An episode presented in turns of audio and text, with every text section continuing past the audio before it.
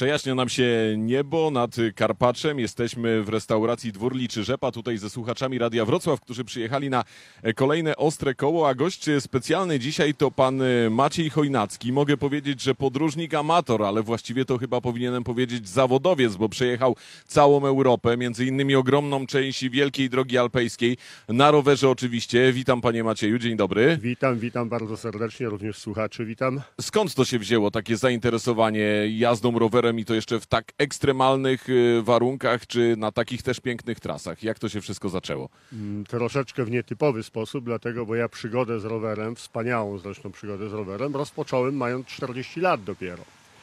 Początkowo przymierzaliśmy się do jakiegoś wyjazdu zagranicznego z kolegą, z racji tego, że jako maszyniści raz w roku mieliśmy darmowy bilet na Europę. Można było skorzystać. Można było skorzystać i należałoby skorzystać. Yy, W zasadzie w rower mnie wprowadził sąsiad, który był kolarzem.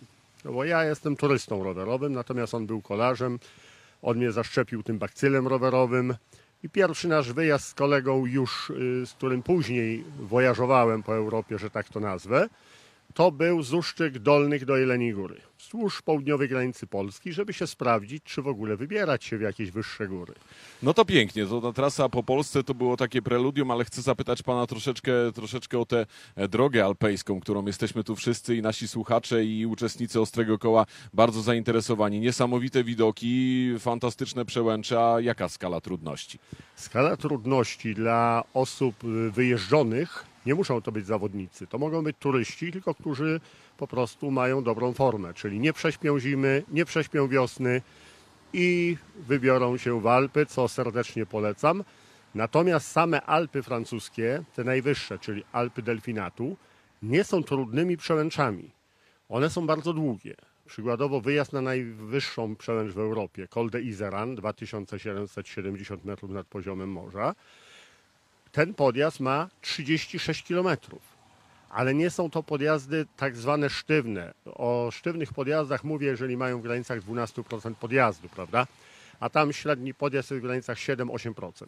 No to trzeba się też mimo wszystko do takiej wyprawy odpowiednio przygotować. Przygotowali się także uczestnicy naszego Ostrego Koła. Oni teraz jedzą śniadanie. Nam udało się na moment wyskoczyć. Tych pytań za chwilę też będzie na pewno mnóstwo. O 12 mamy nadzieję, że nam te chmurki się przegonią. Jaką trasę pan dziś e, zaproponuje? Gdzie tu z naszymi słuchaczami się pan wybierze? No jeszcze nie pytałem, co prawda widziałem się już tutaj z tymi, którzy chcą uczestniczyć, natomiast nie pytałem na jakim dystansie chcą jechać, bo w zależności od chęci zrobimy może 30 km, może 50, może 70, a jak będą chcieli 100, to i 100 zrobimy.